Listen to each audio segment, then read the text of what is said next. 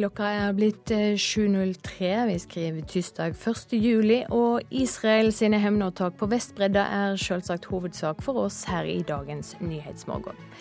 Vi skal også høre at folk flest mener det er politikerne sitt ansvar å løse klima- og miljøutfordringene. Altså Vi i Norge er, har en tendens til å liksom skyve ansvaret over på andre. Det er liksom aldri en selv mm. som skal gjøre noe, og det syns jeg er helt feil. Vi er nødt til å ta ansvar alle sammen.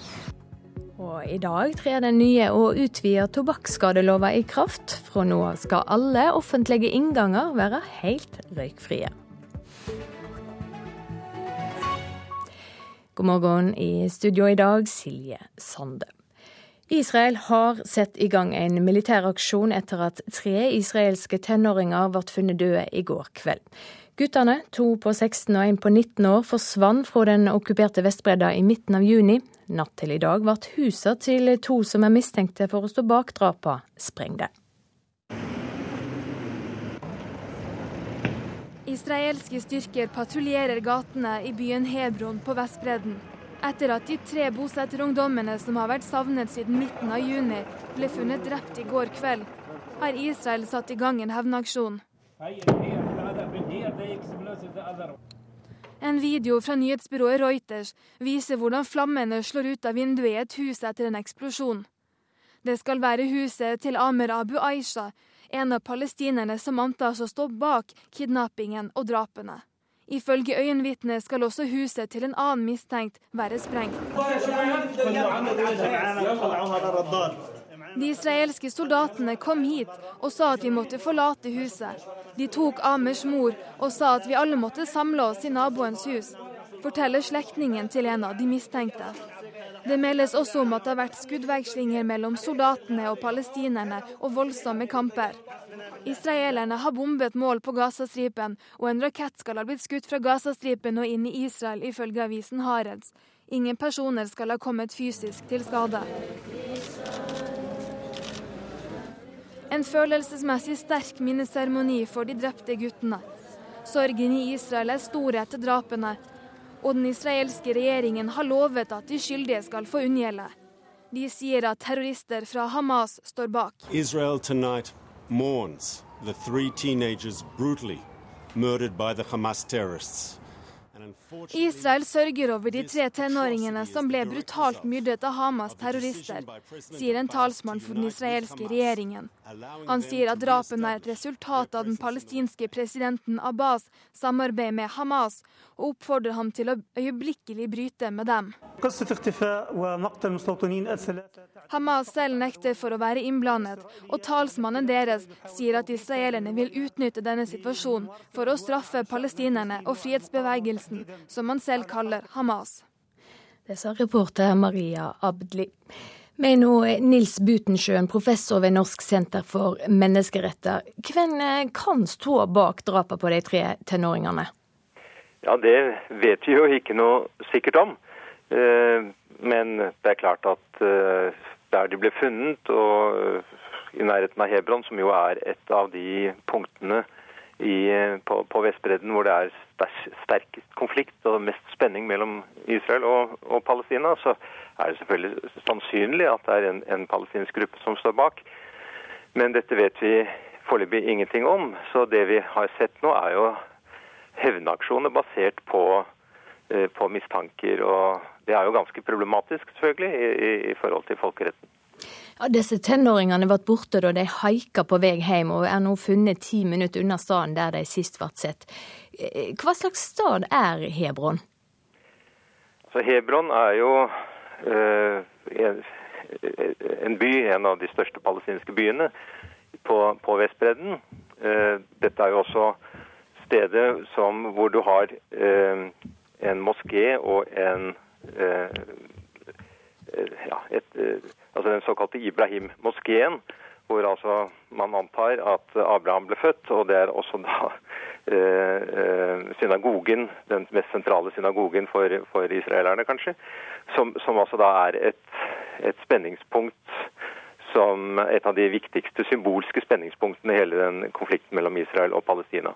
Og så har du da i sentrum for Hebron så har du eh, en bosetning som er eh, bosatt av veldig ytterliggående bosettere og beskyttet av den israelske hæren på en slik måte at store deler av Hebron er lammet.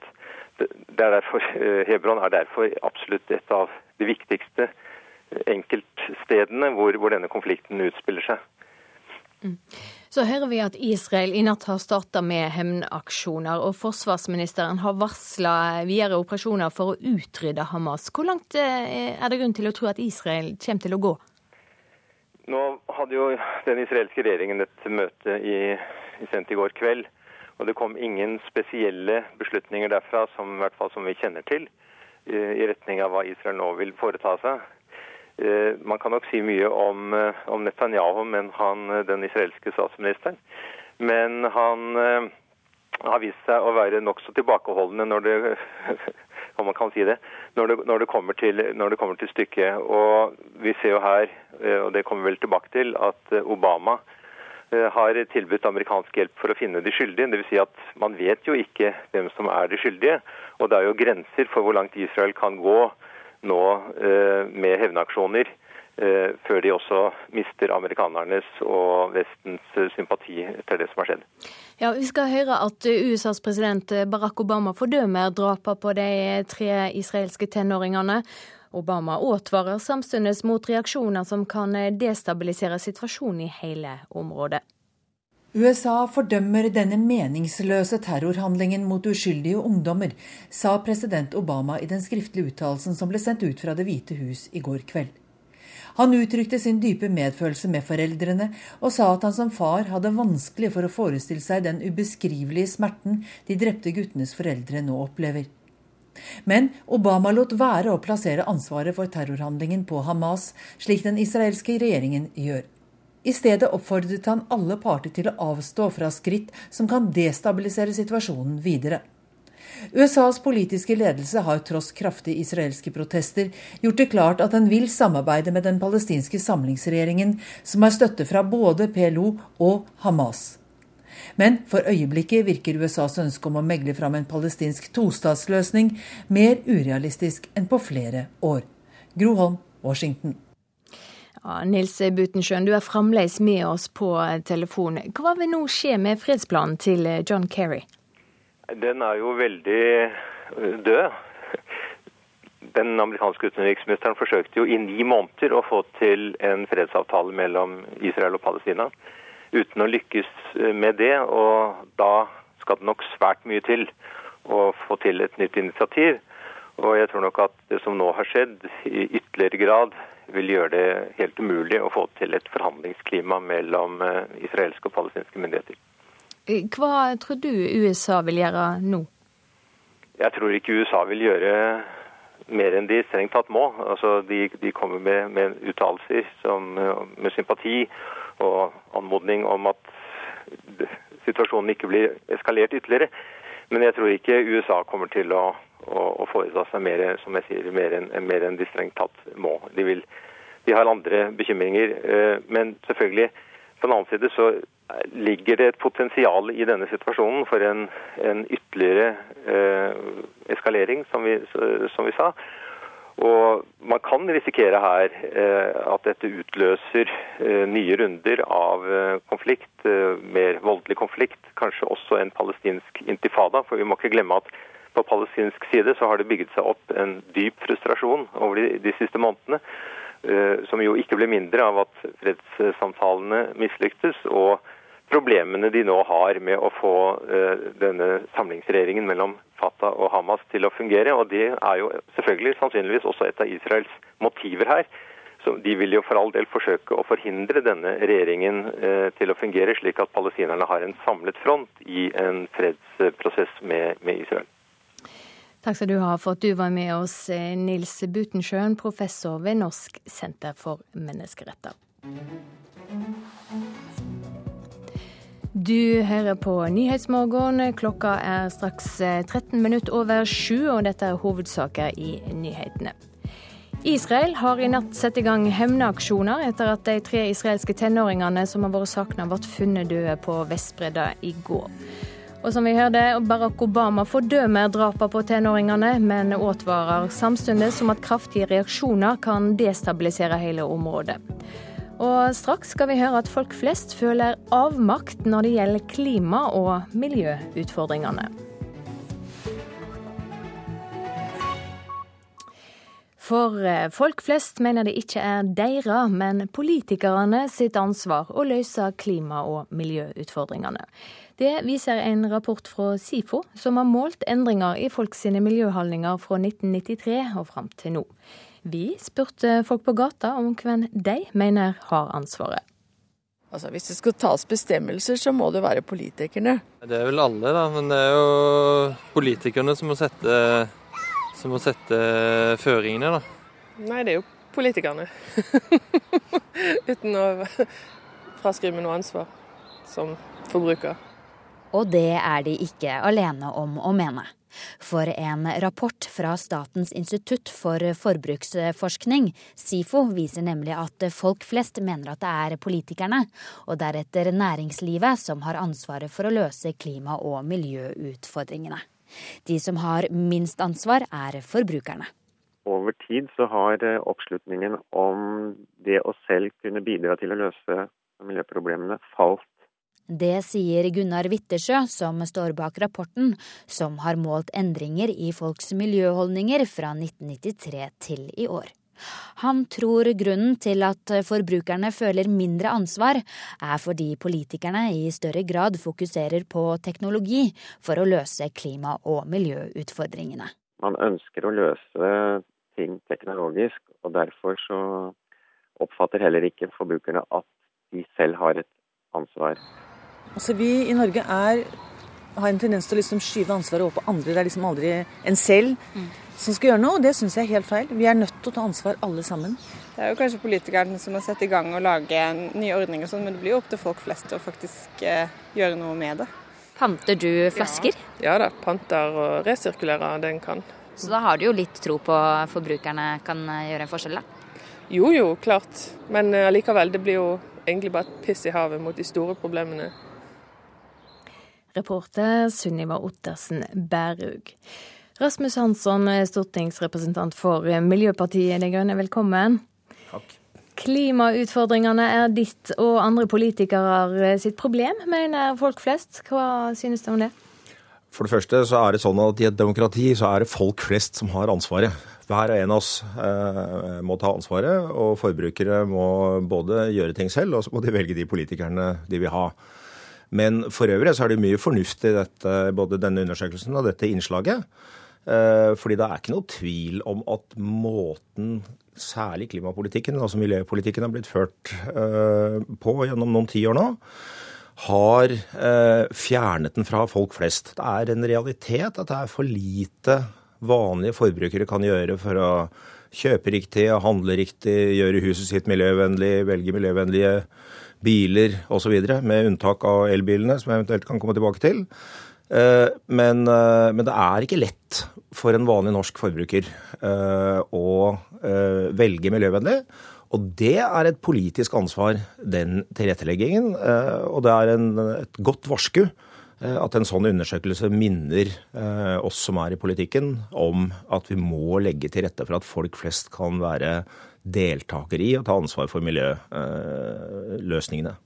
Men så er det vel slik at det, det, er jo ikke så lett å føle ansvar når det er mye snakk om klimakvoter og CO2-fangst til dømes. Nei, men det er, altså, det er, jo akkurat det som er stikkord. At sånn, hele klimaproblematikken den handler om kvoter og, og, parts per million og karbonfangst og -lagring og CO2-priser og sånne ting som er lysår unna folks hverdag.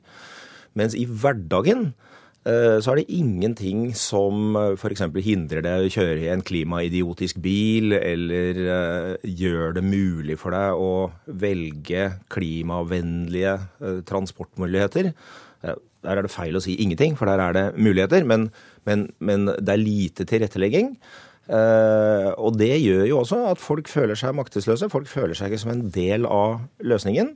Og den dagen man bygger videre på elbilløsningene, slik at mye flere miljøvennlige biler blir tilgjengelige, Den dagen man satser skikkelig på elsykkel, den dagen det satses bare på eh, kollektivløsninger og ikke på vei ved siden av, da får folk en helt annen mulighet til å delta eh, og til å gjøre de riktige valgene selv. Og det vil også slå tilbake på eh, en forventning om en mer aktiv klima- og miljøpolitikk. Så stikkordet er å gjøre det nærere for folk flest? Ja, altså Hvis man ser på Tyskland, som vi i Miljøpartiet De Grønne ofte mm, viser til, da, fordi at de har gjort et, et, et sentralt uh, regjeringsvedtak om denne energiomleggingen sin, Energivende. Uh, der er det brukt uh, svære politiske virkemidler for å legge til rette for at folk kan delta selv ved å gjøre husene sine energivennlige, produsere energi selv osv. Og da vi i energi- og miljøkomiteen var i Tyskland for et par måneder siden og spurte hvordan de fikk folkelig støtte til en sånn kjempedyr omlegging, så sa de det er fordi folk kan delta selv. Folk har fått eierskap til det. Og jeg tror det er et stikkord som norsk miljøpolitikk må legge seg veldig mye mer på hjertet. Da vet vi hva du kommer til å jobbe med i tida framover. Takk for at du kom i studio, Rasmus Hansson eh, fra Miljøpartiet De Grønne. Vi skal høre at statsminister Erna Solberg er i Sør-Afrika i dag, og starter, hun starter med det sin første store Afrikatur som statsminister. Og reporter Jarle Roheim Haakonsen, du er i Sør-Afrika. Hva skal, skal, Solberg gjøre i dag? Ja, I dag skal hun da starte denne store turen som handler om, stort sett, eh, med store overskrifter, utdanning for jenter. Det er Erna Solbergs store hjertesak. Det er det som kommer til å være gjennomgangsmelodien i de tre dagene hun skal på reise her i Afrika, og på tre land. I dag i Sør-Afrika så er det selvsagt eh, litt eh, Mandela, men så er det en stor Redd Barna-konferanse som handler om eh, barnedødelighet. Og så under hele dette programmet så vil som sagt det ligge under dette med å få lik rett til jenter for å gå på skolen. Og Der vil Erna Solberg også dra hjelp fra Nelson Mandela, som sa at utdanning er det sterkeste redskapet for å forandre verden. Så starter eh, statsministeren besøket ved et eh, ANC-minnesmerke. Hvorfor det? Ja, det er for å eh, markere at eh, det altså er 20 år siden eh, nå at eh, Sør-Afrika ble fritt, og at Mandela vant valget. Det står og blinker 20-tall på alle de store bygningene, eller mange av de store bygningene her i Johannesburg som jeg står og ser utover. De er stolte over dette jubileet. Og Solberg skal også da treffe et par av de gamle veteranene som startet eh, kampen sammen med Nelson Mandela. Eh, hun lander om eh, bare noen få minutter og skal direkte dit. så Vi skal treffe henne der klokka ni. Hva politisk vekt har denne Afrikaturen? Det er da da viktig for Erna Solberg, som da leder en gruppe i FN som skal eh, legge trekk på å få tusenårsmålene i mål. Det er jo da neste år, 2015, at FNs store tusenårsmål om å redusere fattigdom, for likhet til utdanning osv. de må være oppnådd. Mye er gjort, men det er fortsatt en del igjen. Og Erna Solberg har da sammen med eh, Rwandas president Paul Kagame fått i oppdrag fra FNs generalsekretær å legge trøkk på nå i det siste året. Og Det er et eh, slikt møte i Rwanda eh, på torsdag som på en måte er kanskje hovedgrunnen til at hun eh, drar til Rwanda, som, som da vil være viktig for at Erna Solberg skal få en, si, en, en god attest fra FN på denne internasjonale jobben hun nå har fått. Er det venta at Norge vil komme med konkrete tiltak eller løfter om bistand i, i møte med disse afrikanske lederne? Nei, det er ikke det. Jeg tror eh, man kan si at norsk bistandspolitikk ligger eh, i stor grad fast. Det blir iallfall ikke noe mer penger fra Norge til, eh, til fattige land, men man omprioriterer litt på uhjelpsbudsjettet. Slik at den hjertesaken som var innom i stad, altså jenter og utdanning, blir eh, viktigere. Det får mer penger, og så er det noe annet som får eh, mindre. Det vil ikke være så eh, konkrete på, men det er en omlegging av norsk politikk. Ingen store endringer. Men som sagt, viktig politisk at Erna Solberg da legger dette møtet i Afrika, som skal handle om Afrikas i stor grad problemer med å nå tusenårsmålene. Så Det er et eh, viktig symbol for henne som leder av denne gruppa. Jarle Roheim Haakonsen følger altså statsminister Erna Solberg på hennes Afrikatur. Vi skal ta en kikk på dagens aviser. Hjelpeorganisasjonene har milliarder på børs. De seks største og mest profilerte hjelpeorganisasjonene i Norge har 3,7 milliarder kroner i bank, aksjefond og verdipapir, skriver VG. Flere av de har investert i omstridte selskap.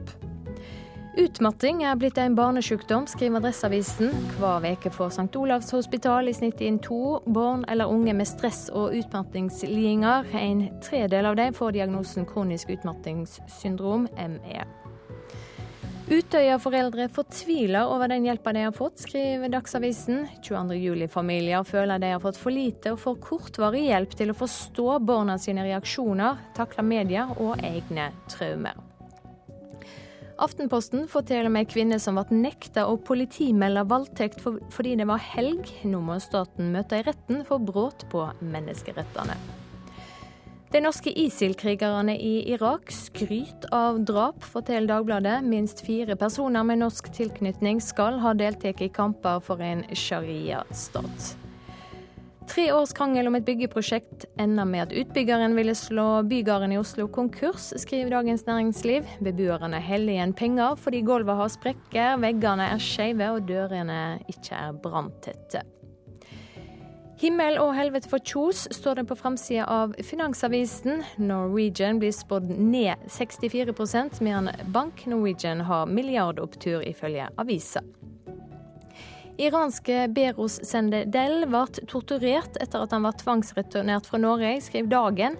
Utlendingsnemnda, UNE, avviser at mannen ble torturert pga. sin kristen tro, og vil ikke ta noe ansvar. Vil tvinge leger til å jobbe i distriktene, skriver Nasjonen. Arbeiderpartiets helsepolitiker Freddy de Ruter vil beordre leger til plikttjeneste når distriktskommuner ikke får fylt opp stillingene. Engangsbeløpet ved fødsel må økes, gjerne opp til 400 000 kroner. Det mener lege Tåleiv Rognum. Han sier det til Vårt Land. Han får støtte fra flere andre fagfolk i at aborttallene trolig vil gå ned dersom staten blar opp. Og økende ulikskap går på livet løs, skriver Klassekampen i dag. Folkehelseinstituttet advarer mot at økende forskjell mellom rike og fattige også vil øke forskjellen i levealder.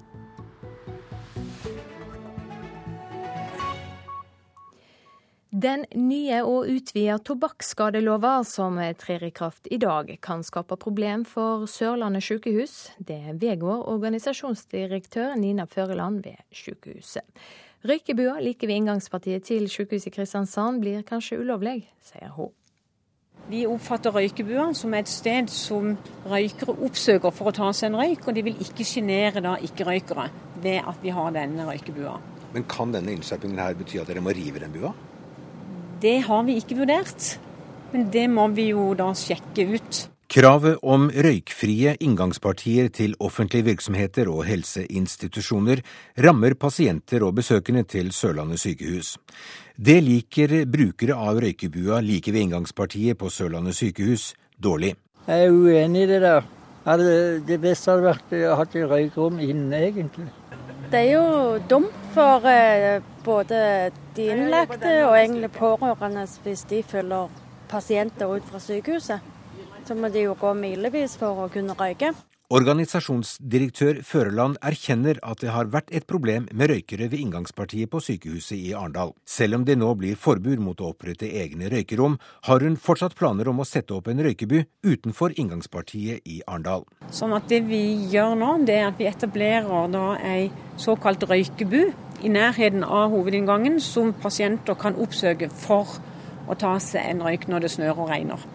Det er godt opplyst at det er røykeforbud utenfor inngangspartiene til sykehuset i Kristiansand. Likevel ligger det mange sneiper på bakken. Nå vil Førerland skjerpe røykeforbudet ved inngangspartiet ved å bruke vektere til å jage vekk røykere. Vi vil ha vektere som påser at hovedinngangene våre er røykfrie, og at ikke det skal sjenere pasienter eller pårørende eller andre som oppsøker sykehuset. Reporter Kjell Pedersen. I flere år har Øystein Langøen Oen fra Øygarden utenfor Bergen drømt om å få favorittbandet sitt, The Offspring, til HV-festival. For et par år siden oppretta han ei egen Facebook-gruppe for å få det til, og i kveld står endelig det amerikanske punkrockbandet punk på HV-scenen.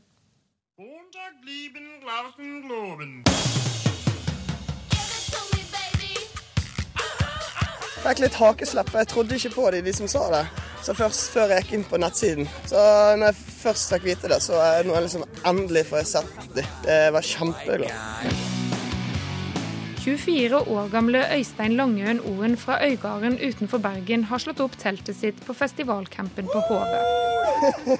Og er mer enn klar for å se heltene i det amerikanske punkrockbandet The Offspring Live. Nei, Det er liksom 90-tallets uh, vugge, vil jeg si. Det er for rock'n'roll og punk som jeg er veldig glad i. Og de har jeg vokst opp med hele livet. Så eh, jeg klarer Det er bare er veldig, mange andre band som er blitt inspirert av de. Det er bare skikkelig tøft.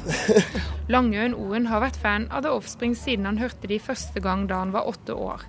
De siste åra har han drømt om å få gruppa til HV-festivalen, og i 2011 oppretta han en Facebook-gruppe for å få det til.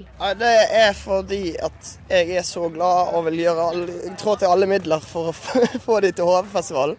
Jeg er veldig glad i Offspring, veldig glad i HV. Hvorfor kan ikke de spille på samme festival? Så um, starta jeg den Facebook-gruppen for å vise at folk fins Offspring-fans i Norge òg. I kveld går drømmen endelig i oppfyllelse. Etter flere forsøk lyktes det HV-festivalens bookingansvarlige Toffen Gunnufsund å få bandet til festivalen på Tromøy utenfor Arendal.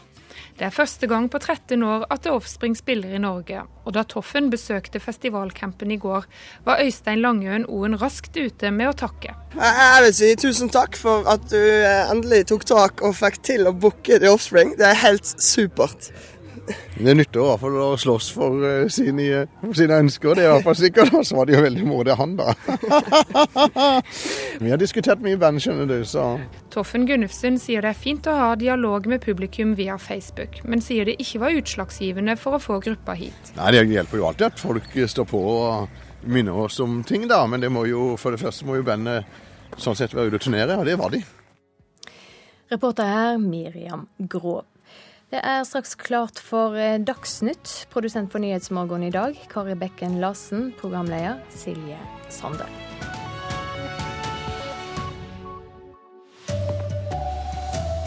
Israel har startet hevnaksjoner etter at tre jødiske ungdommer ble funnet drept i går. Nordmenn synes ikke det er deres jobb å løse miljøproblemene, mener politikerne har ansvaret. Og i dag kan røyk og rullings bli til vin og øl på taxfree-en. Her er NRK Dagsnytt klokken 7.30. Israel har satt i gang en militæraksjon etter at tre israelske tenåringer ble funnet drept i går kveld. Guttene, to på 16 og en på 19 år, forsvant fra den okkuperte Vestbredden i midten av juni.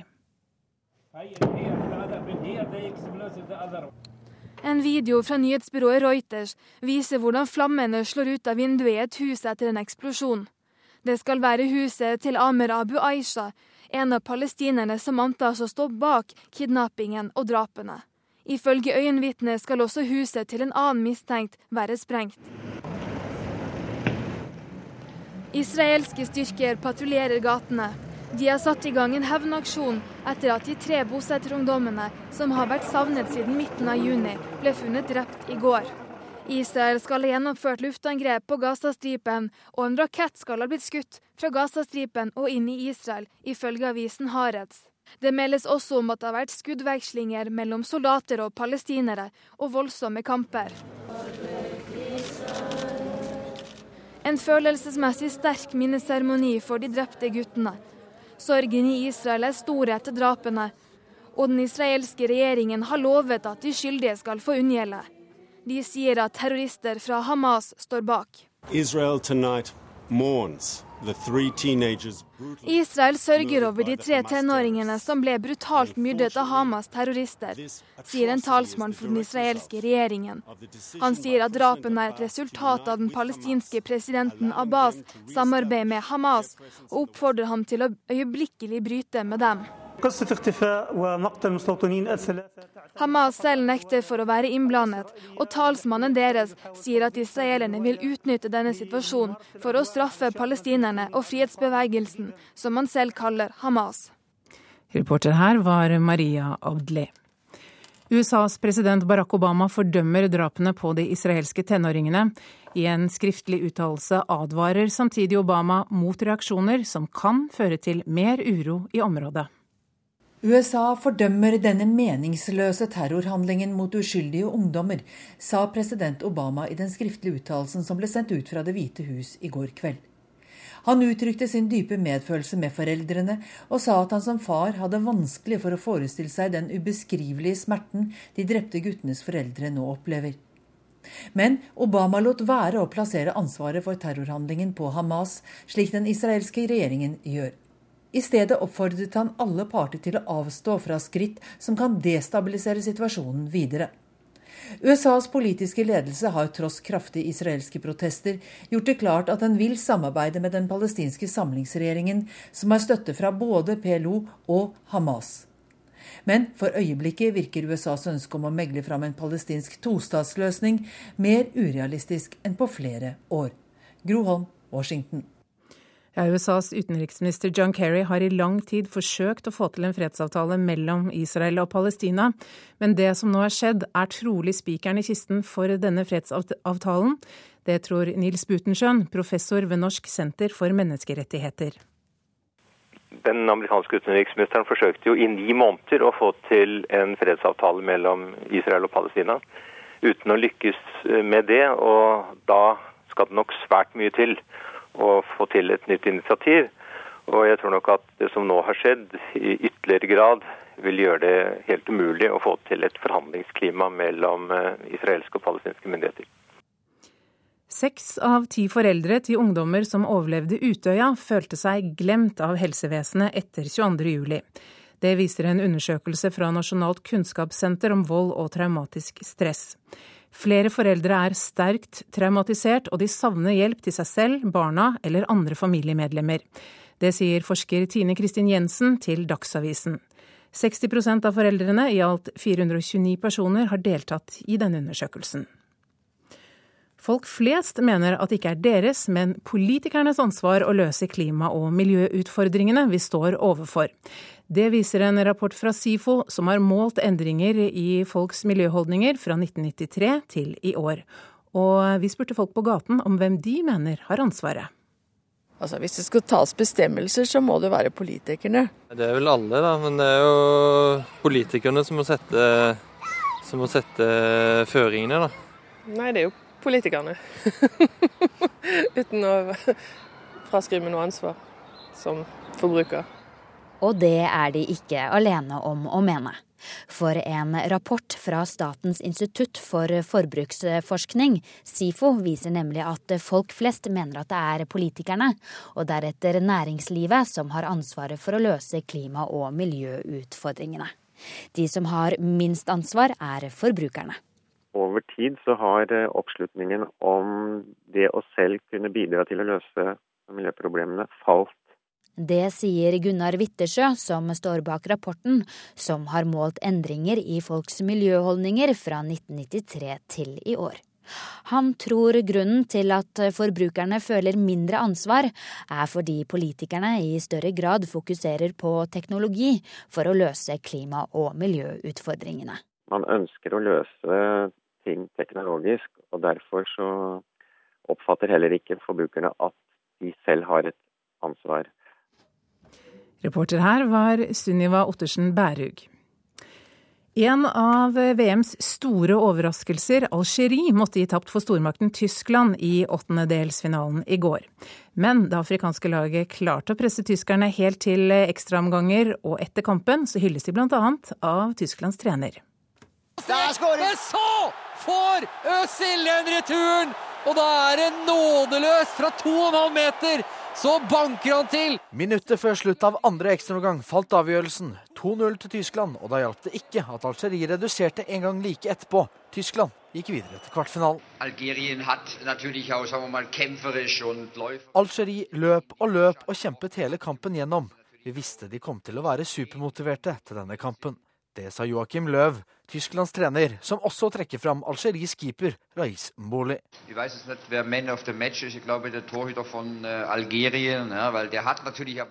Vi hadde mange sjanser, og jeg vet ikke hvem som ble kåret til banens beste. Men Algeries keeper burde være det, for han hadde noen fantastiske redninger på flere av de enorme sjansene vi skapte. Algeries Moji Bougera, som til daglig spiller i Rangers, hyllet lagkameratene. Jeg er veldig stolt av laget. Vi har vist oss fram på en god måte, og kampen kunne fort gått til straffer. Men dette er fotball, og Tyskland er et fantastisk lag som klarte å skåre i det riktige øyeblikket. Tyskland møter nå Frankrike i kvartfinalen. Sa reporter Patrick Steen Rolands. I dag kan du ta med deg mer alkohol i taxfree-en dersom du står over tobakken. For nye regler gjør at du kan bytte inn sigaretter, sigarer og rulletobakk til mer alkohol. Og reporter Darja Soric, du er på taxfree-en eh, på Oslo lufthavn. Ser handlekurvene ekstra fulle ut i dag? Det har vært et par fly som har kommet inn mens jeg har stått her, og mange mennesker som har vært eh, gjennom taxfree-en i ankomsthallene her hvor jeg står. Og handlekurvene har sett veldig fulle ut, og de har gått smilende ut av in intet å fortolle-disken her. Og jeg står med tollvesenet, Frode Villangen. Hva er det som er eh, endringene fra i dag? Ja, endringen fra i dag det er at uh, reisende som ikke tar med seg kvote for tobakk eller sigaretter, kan ha med seg 1,5 liter vin uh, ekstra, eller øl eller rusbrus. Kan man bytte andre veien? Kan de som vil ha med seg mer tobakk, bytte inn alkoholen? Nei, det kan de ikke. Det var jo triste nyheter for noe. Hvordan har dere forberedt dere på dagen i dag? Vi har eh, forberedt oss ved at eh, vi har opp litt informasjon eh, i forkant av tollfilteret. Så har det jo vært litt spørsmål fra publikum også i forkant. Og så ser vi også at media har vært flinke til å informere. Har dere flere folk på jobb i dag? Hos oss så er bemanningen alltid tilpasset trafikksituasjonen. Og hvordan er det, Har dere gruet dere til dagen i dag? Nei, det har vi ikke. Hva blir konsekvensene nå hvis man tar med seg for mye? Blir det større i og med at man har med seg enda mer alkohol? Har man med eh, høyt beskatta varer utover kvoten, så, og dette her ikke er eh, altfor store mengder, så avgjøres saken med et forenkla forelegg som før. Det var klar melding fra tollvesenet her, så da er det fritt fram for å ta med seg mer vin og øl fra taxfree-en når du skal hjem eller drar på ferie. Takk skal du ha, reporter Daria Soric med oss fra taxfree-en på Oslo lufthavn Gardermoen. Ansvarlig for denne sendingen var Anne Skårseth, teknisk ansvarlig Hanne Lunås, i studio Marit Selmer Nedrelid.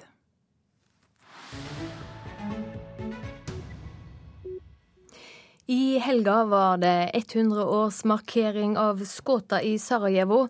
Drapet på tronfølgeren i Østerrike-Ungarn var starten på første verdenskrigen. NRK møtte nevøen til mannen som avfyrte Skåta mot erkehertug Frans Ferdinand. Han sier han ville gjort det samme som onkelen. Borio, borio bi se za, za svoj narod i učinio isto to dio. I would fight for my people. I would do the same. You would have shot him. I biste ga, vi biste ga upcao. Normalno. Normally. Ja znam da je na mojoj strani pravda i sloboda. Because I know that justice and freedom are on my side. Han er ikke i tvil, nevøen til mannen som drap erkehertug Frans Ferdinand. Han hadde gjort akkurat det samme. Mm. NRK møter nevøen til Gavrilo Princip i byen Sukolats utenfor Sarajevo. I det gamle Jugoslavia ble Gavrilo Prinsipp regna som en fridomshelt. Han var symbolet på sørslavisk uavhengighet. Men pga. de etniske konfliktene i Bosnia har muslimene og kroatene begynt å tolke om historien om mordet på erkehertug Frans Ferdinand. Najobičajnije pitanje koje je dana De hevder attentatmannen var en serbisk nasjonalist som drømte om et stor-Serbia på Balkan. Dette er løgn, forteller Nikola. Moj odgovor je glasio da nije bio ni srpski nacionalista ni terorista. Gavrilo var medlem av en multinasjonal revolusjonær ungdomsrørsle. De kjempa for fridom til alle de sørslaviske folka. For da Austerrike okkuperte Bosnia i 1878, var det mange som yngste seg en uavhengig sørslavisk stat.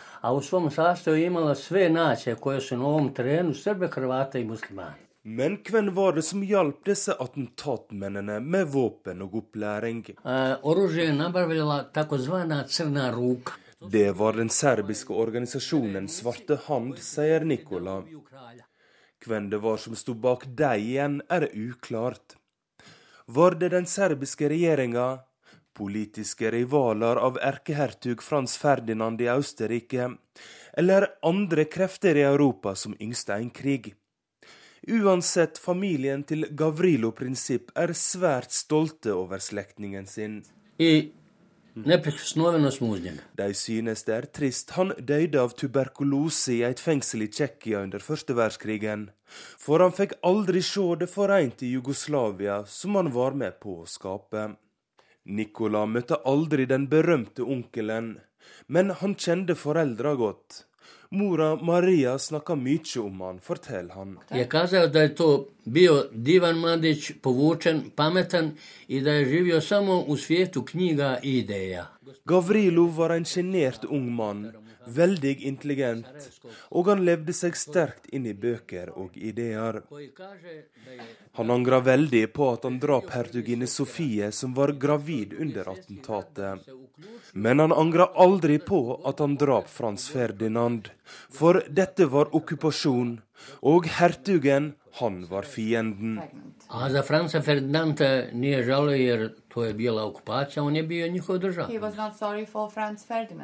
Du hadde vel heller ikke likt om utenforstående kom til ditt land og stal alle naturressursene dine, sier Nicola Prinsipp.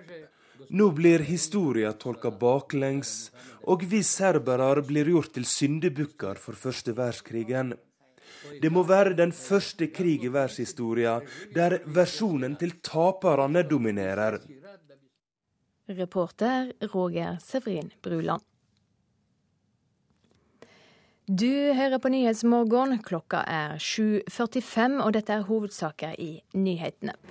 Israel har i natt satt i gang hevnaksjoner etter at de tre israelske tenåringene som har vært savna, ble funnet døde på Vestbredda i går. Barack Obama fordømmer drapene, men advarer samtidig om at kraftige reaksjoner kan destabilisere hele området. Og her hjemme føler folk flest avmakt når det gjelder klima- og miljøutfordringene. De mener politikerne må ta ansvaret. Fra og med i dag innfører regjeringa kutt i fedrekvoten fra 14 til 10 uker. Den totale lengda på foreldrepermisjonen blir ikke endra, men nå kan mor overta fire av ukene som til nå har vært øremerka far, og omvendt. Og Det betyr at en del av permisjonen som er til fri fordeling mellom foreldre, blir åtte uker lenger. Anette Trettebergstuen, stortingsrepresentant for Arbeiderpartiet. Hva vil denne endringa føre til, mener du? Ja, Den endringa vil føre til at uh, norske fedre kommer til å ta ut mindre permisjon. Og det er uh, et linjeskifte i, i, likestillingspolitikken og i familiepolitikken. Fordi vi har uh, siden 1993, når fedrekvoten blitt innført, styrka fars rettigheter til å være hjemme og økt fedrekvoten. Det har vi sett at har fungert. Fedrekvoten er populær, det er noe som norske menn ønsker, og som har ført til at far er mer hjemme. Det sammen med f.eks. barnehageutbygginga har gitt den enkelte familien en reell frihet til at både far og mor kan velge å være, velge å være yrkesaktive og, og, være småbarnsforeldre. Og Det er det her, det her, her som regjeringa svekker, og det er utrolig synd. Vi har også med oss Svein Harberg, leder av familie- og kulturkomiteen for Høyre. Du er med oss fra studio i Kristiansand. Tror du det vil gå som Trettebergstuen frykter, at færre vil ta en lang permisjon?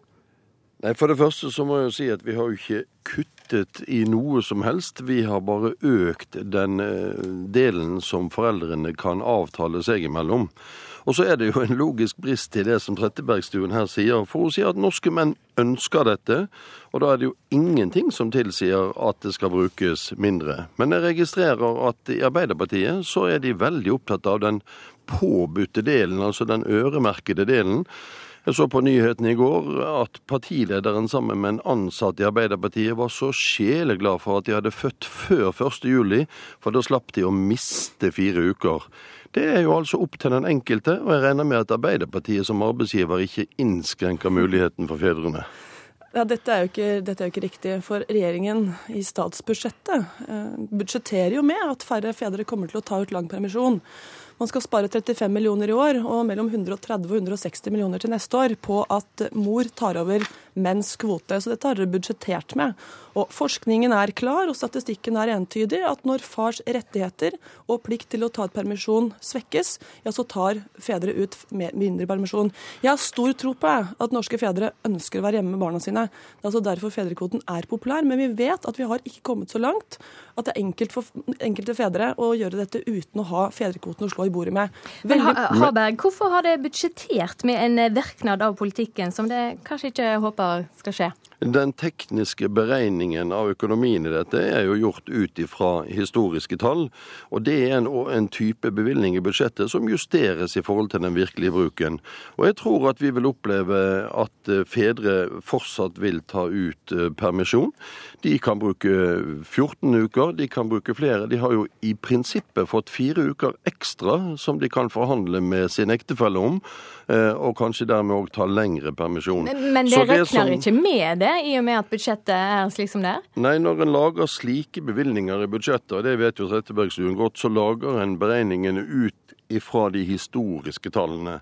Og, og, de historiske tallene har tilsagt at det har vært flere kvinner enn menn som har tatt ut permisjon. Og så håper vi å, å, å virkelig utfordre mennene nå på at eh, dette skal fordeles på lik måte. Så hvordan, hvordan skal det gjøre det? Så må jeg òg få lov å si at det er jo altså en, en, eh, en, manglende tillit til familiene som ligger til bunn når Anette Trettebergstuen ikke syns at den enkelte kan gjøre dette sjøl. Det er liksom akkurat disse 14 ukene som Arbeiderpartiet økte det til for et par år siden, som er det riktige for menn å være hjemme.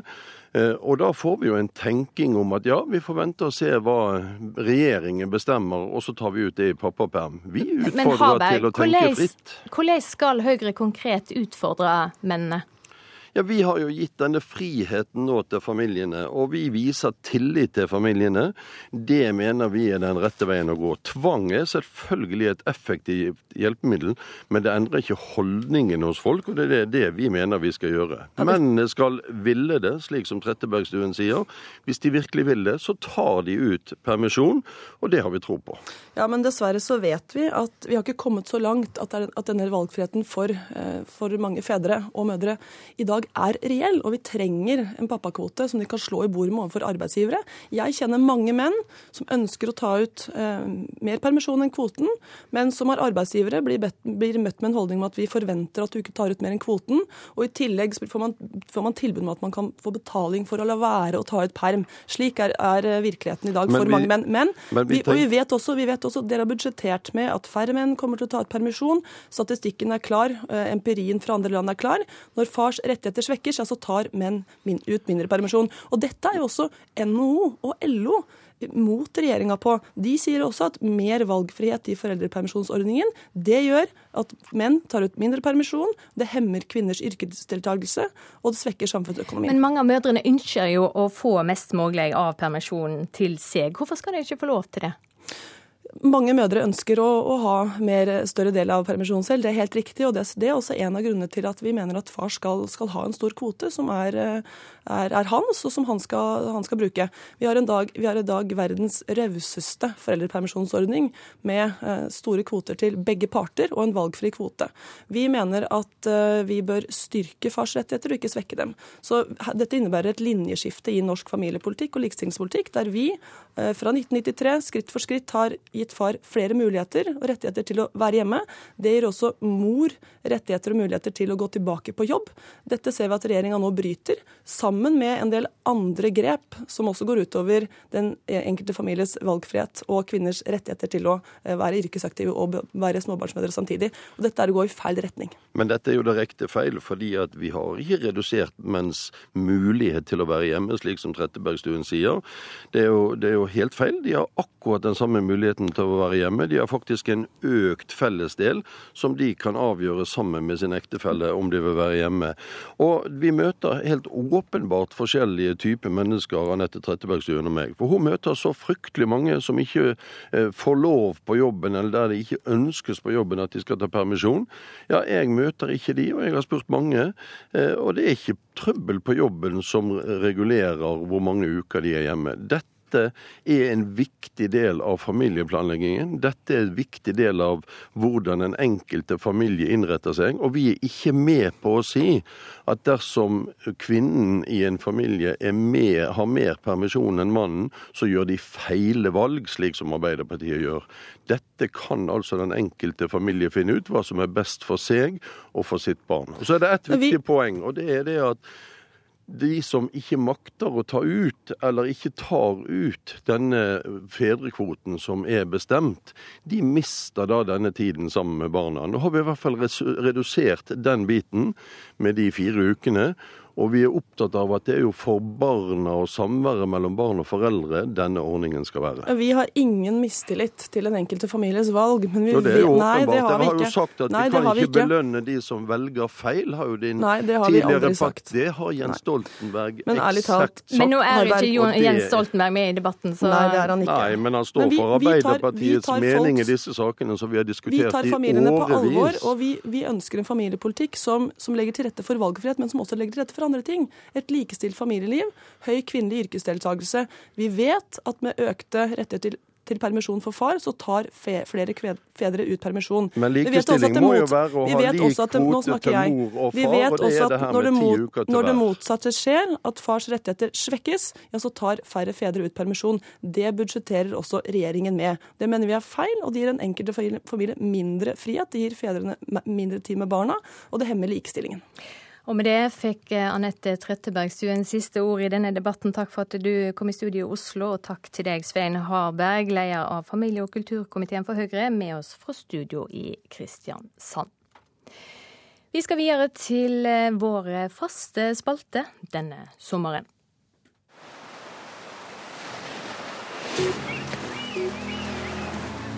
Sommerserien i Nyhetsmorgen. Navn. Børge Brende, Yrke. utenriksminister. Hva skal du eh, gjøre i sommerferien? I sommer skal jeg være i Norge, på fjellet i Trøndelag. Både på Røros og i Oppdal. Så det ser jeg veldig frem til. Jeg liker meg best i Norge og på fjellet om sommeren. Hvem som du ikke kjenner fra før, ville du delt en kurv jordbær med? Ja, det er mange, men øhm, de som stiller opp øh, som frivillige i sommer på tiltak øh, overfor barn og unge, som kanskje ikke har sommerferie øh, Det er flere av de humanitære organisasjonene og frivillige, organisasjonene. Jeg har vært med på det sjøl for noen år siden, og det syns jeg er en viktig initiativ, og de fortjener eh, minst ei kurv jordbær, kanskje ei kasse jordbær, for å si det sånn. Mener du at det bør bli lov å ta seg en øl eller et glass vin i parken? Det er ikke lov? Nei, jeg tror ikke det er lov. Nei, Nei eh, et, glass vin eh, eller et glass øl i parken, det ser jeg ikke på som noe stor forbrytelse. Tjener Erna Solberg for lite? Hva tjener hun? Hun tjener eh, ca. 1,5 million. Ja, det syns jeg er en bra og fornuftig lønn for en statsminister. Det er jo ikke sånn at eh, politikere skal og bør konkurrere med eh, privat sektor, men jeg syns vi betaler statsministeren vår på en ordentlig måte. Kjører du elbil? Det gjør jeg ikke. Hvorfor ikke? For at vi har en dieselbil. Vi kjører jo en del til eh, Oppdal og Røros, og det er en annen bil som har vært mer hensiktsmessig for oss. Vil du ha OL i Oslo i 2022? Neste spørsmål. Kunne du sendt dine barn på privatskole? Det kunne jeg. Altså, og dessuten så kaller jeg det ikke privatskole, jeg kaller det friskole. Jeg syns det er greit i et land at uh, man har uh, Steinerskole, Montessori-skoler med litt annen uh, pedagogikk. Men jeg syns ikke lommeboka skal avgjøre det. Jeg syns at det offentlige skal tilrettelegge for at man har alternative pedagogiske tilbud. Hvis du fikk all makt i Norge en dag, nevn én ting du ville endra permanent. Jeg håper ingen person får all makt i Norge selv for en dag. Hvis, man, eh, hvis det er noe jeg ville ha endra, så måtte det være å komme tilbake til dette med, med skole. Vi er vel kanskje det landet i verden som bruker mest eh, penger eh, per hode i skolen, og per elev.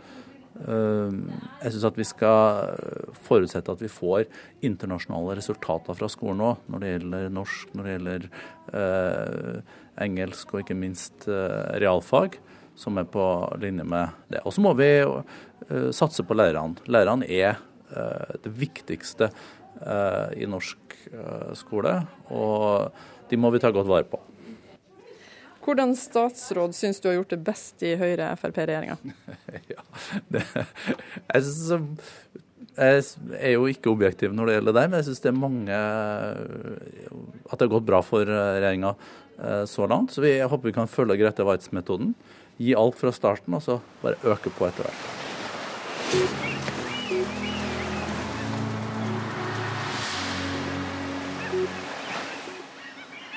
Det var reporter Eva Marie Bulai som hadde snakka med Børge Brende. Vi skal ha ei værmelding som gjelder fram til midnatt. Østafjells og fjellet i Sør-Norge skiftende bris. På kysten vest for Lindesnes nordvestlig frisk bris. Lokale regnbyger, særlig i ettermiddag, utrygt for torevær. I Agder lokalt kraftige byger. Vestlandet og Trøndelag får nordlig bris. Fra Sunnmøre og sørover frisk bris på kysten. Fra i ettermiddag liten kuling sør for Stad. Først på dagen lave skodde i ytre strøk, og fra i ettermiddag lokale regnbyger og utrygt for torevær. Ellers stort sett fint. Nordland og Troms nordlig bris. På kysten sør i Nordland frisk bris. Enkelte regnbyger i grensestråka i Troms, ellers til dels fint vær. Lave skyer på kysten enkelte steder. Finnmark skiftende bris, enkelte regnbyger på vidda, ellers til dels fint vær. Lave skyer på kysten enkelte steder. Nordensjøland på Spitsbergen får vestlig bris, stort sett opphold og litt sol. Temperaturene målte klokka fem. Svalbard lufthavn seks. Kirkenes sju. Vardø sju. Alta elleve. Tromsø-Langnes ni. Bodø ti. Brønnøysund ti. Trondheim-Værnes ni. Molde tolv. Bergen-Flesland ti. Stavanger elleve. Kristiansand-Kjevik åtte. Gardermoen ti. Lillehammer elleve. Røros fire. Og Oslo-Blindern hadde 13 grader. Det blir uendra eller litt varmere sør for Stad og Dovre. I Møre og Romsdal og Trøndelag uendra eller litt kaldere. Små endringer i Nord-Norge og litt kaldere på Spitsbergen. Hør flere podkaster på nrk.no podkast.